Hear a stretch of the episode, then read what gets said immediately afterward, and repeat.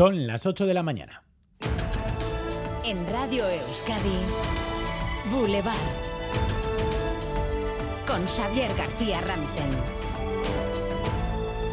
¿Qué tal, En El adelanto de las elecciones generales vuelve a retrasar la llegada de los fondos europeos. Euskadi esperaba recibir alrededor de 6.400 millones de euros. Hasta la fecha, las instituciones vascas han recibido 1.000 millones y las empresas apenas 500. Todo va más lento de lo esperado, lo denuncia el consejero Pedro Azpiazu en declaraciones que les estamos ofreciendo esta mañana en Boulevard. Sonia Hernando. El anuncio de las elecciones anticipadas en julio vuelve a retrasar la llegada de los fondos europeos. Saray Arcaya, directora general de Bantec. Hemos contrastado con los propios ministerios y ya nos han confirmado que no nos pueden decir ya fechas por este momento de incertidumbre. Este 2023 debía ser el que diera el empuje definitivo a la llegada de los fondos Euskadi, que ha recibido 1.500 de los 6.400 millones que se esperaban. Según el Gobierno vasco, los fondos no llegan en tiempo y forma a las empresas, pero tampoco a las instituciones. Pedro Azpiazu, consejero de Economía. No está llegando a casi nadie como debería llegar. Así que hay muchísimos recursos todavía que no están asignados y que no están llegando. ¿no? España, según el gobierno vasco, no ha gastado ni una tercera parte de los fondos que ya tiene asignados. Enseguida ampliamos datos y dentro de una hora será una de las cuestiones por las que preguntaremos al delegado del gobierno en Euskadi, Denis Ichaso. Anoche Pedro Sánchez ya advirtió de que los fondos europeos están en riesgo si el 23 de julio gana la derecha.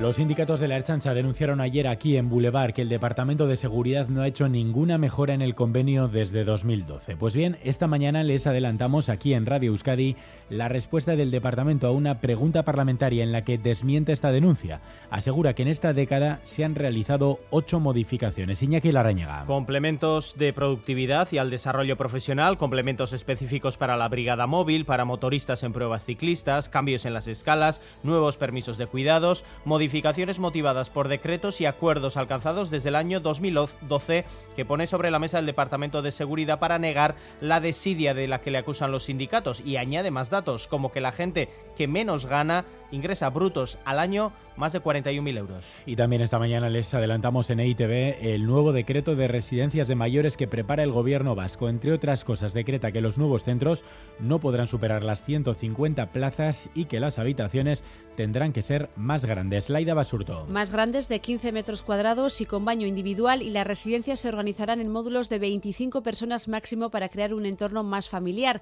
Se aumentará el ratio de personal de atención directa en un 15% para lo que no se descarta la contratación de auxiliares cuando falten enfermeras. Se eliminarán las sujeciones si no hay permiso de las familias y se mejorarán los cuidados paliativos. Son algunos de los cambios que recoge el nuevo decreto de residencias que aún debe pasar por el Consejo de Gobierno, pero que cuenta ya con aprobación de la consejera Nerea Melgosa. Así viene este martes y 13 de junio, que tiene dos nombres propios en la actualidad internacional, Silvio Berlusconi y Donald Trump, titulares con Leire García.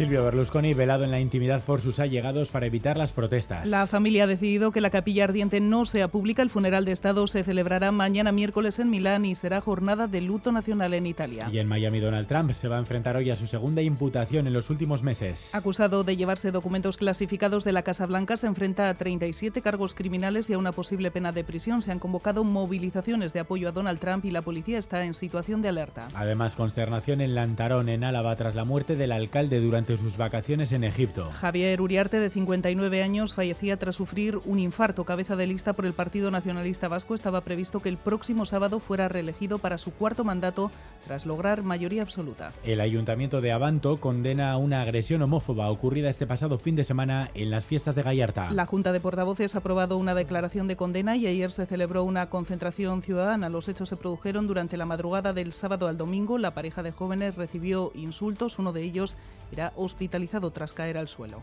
Y en Donostia, hoy se va a decidir si el agua de la concha es apta para el baño tras el hundimiento ayer de una embarcación. El yate de unos 14 metros de eslora había sido reparado recientemente a la espera de los resultados de los últimos análisis. Hoy se dará a conocer la decisión definitiva si se permite o no el baño. Y estamos en aviso amarillo por lluvias tras las intensas precipitaciones y tormentas de ayer que volvieron a inundar algunas localidades del interior del país. Una de las más afectadas es Balmaseda. Allí volvemos esta mañana. Xavi Segovia, Egunon. Egunon, sí, tranquilidad hasta ahora aquí en Balmaseda, 16 grados, cielo cubierto, no llueve hasta ahora, un escenario muy diferente al vivido ayer por la tarde sobre las cinco y media en esta localidad de las Encartaciones. Una tromba de agua sorprendía a los vecinos de Balmaseda, que nos contaban que no es normal que llueva de manera tan intensa durante estas fechas. Fue por el, el alcantarillado Sí, el río es muy difícil que, suba tanto como para desbordarse. Inaudito lo que se vivió ayer, sí. En estas épocas no, en estas fechas no es sobre lo normal para nada. Una lluvia que termina finalmente en las alcantarillas, desagües que ayer no pudieron soportar tan volumen de agua. No es la primera vez que ocurre, nos cuentan, bares como el Naru o gimnasios como Imagen suelen sufrir las consecuencias de estas intensas lluvias aquí en Balmaseda. La previsión del tiempo para hoy, según Escalmet, es de precipitaciones en gran parte de la jornada, por lo que habrá que estar atentos si se repite el escenario de ayer por la tarde aquí en Balmaseda. Pues enseguida ampliamos ese pronóstico desde Euskalmet. Antes titulares del deporte, Álvaro Fernández Cadierno, Egunon. Egunon, semana decisiva para conocer si la Alavés sube a una primera división. Luis García Plaza podrá contar finalmente con Apcar y Balboa, liberados por sus elecciones, pero no con Ogueno ni Blanco. En pelota, Lasso Unai deberá permanecer seis meses de baja tras ser operado de la cadera y en baloncesto el Madrid, primer finalista de la ACB, mientras que los Denver Nuggets se han hecho con su primer anillo de la NBA al volver a ganar anoche a Miami. Boulevard. El tiempo. Euskalmet, Nayara Barredo, Egunon. Egunon, hoy seguiremos hablando de tiempo variable y revuelto, aunque la situación será distinta a la de días anteriores, ya que hoy los chubascos afectarán en mayor medida a la vertiente cantábrica, especialmente a la costa. A pesar de que a primeras horas los claros serán amplios en muchas zonas, con algunas nieblas en el interior, con el paso de las horas se irán produciendo chubascos de forma intermitente, primero en el norte y después, a partir del mediodía, el viento se fijará del noroeste y los chubascos entrarán también hacia el interior. Hoy además esperamos un descenso de las temperaturas máximas que se moverán entre los 20 y 22 grados. Por lo tanto, seguimos hablando de inestabilidad con chubascos intermitentes eh, que localmente pueden ser algo intensos, especialmente en la vertiente cantábrica. Temperaturas hasta ahora tenemos 18 grados en Donostia y Bayona, 17 en Bilbao, 16 en Guernica y El Goibar, 15 en Estella Lizarra, 15 en Ollón y 14 tanto en Vitoria como en Pamplona. En los arcos 13 grados y nublado. Opa, agur. Egunon, zarautzen gaur amazazpi gradu, ondo izan, aio. Gabornikanotik amabos gradu eta lainoa dago.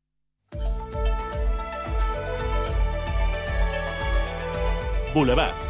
Tráfico.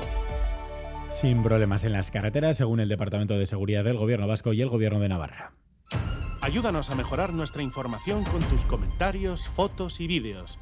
Envíalos al WhatsApp de Radio Euskadi 688 840 840.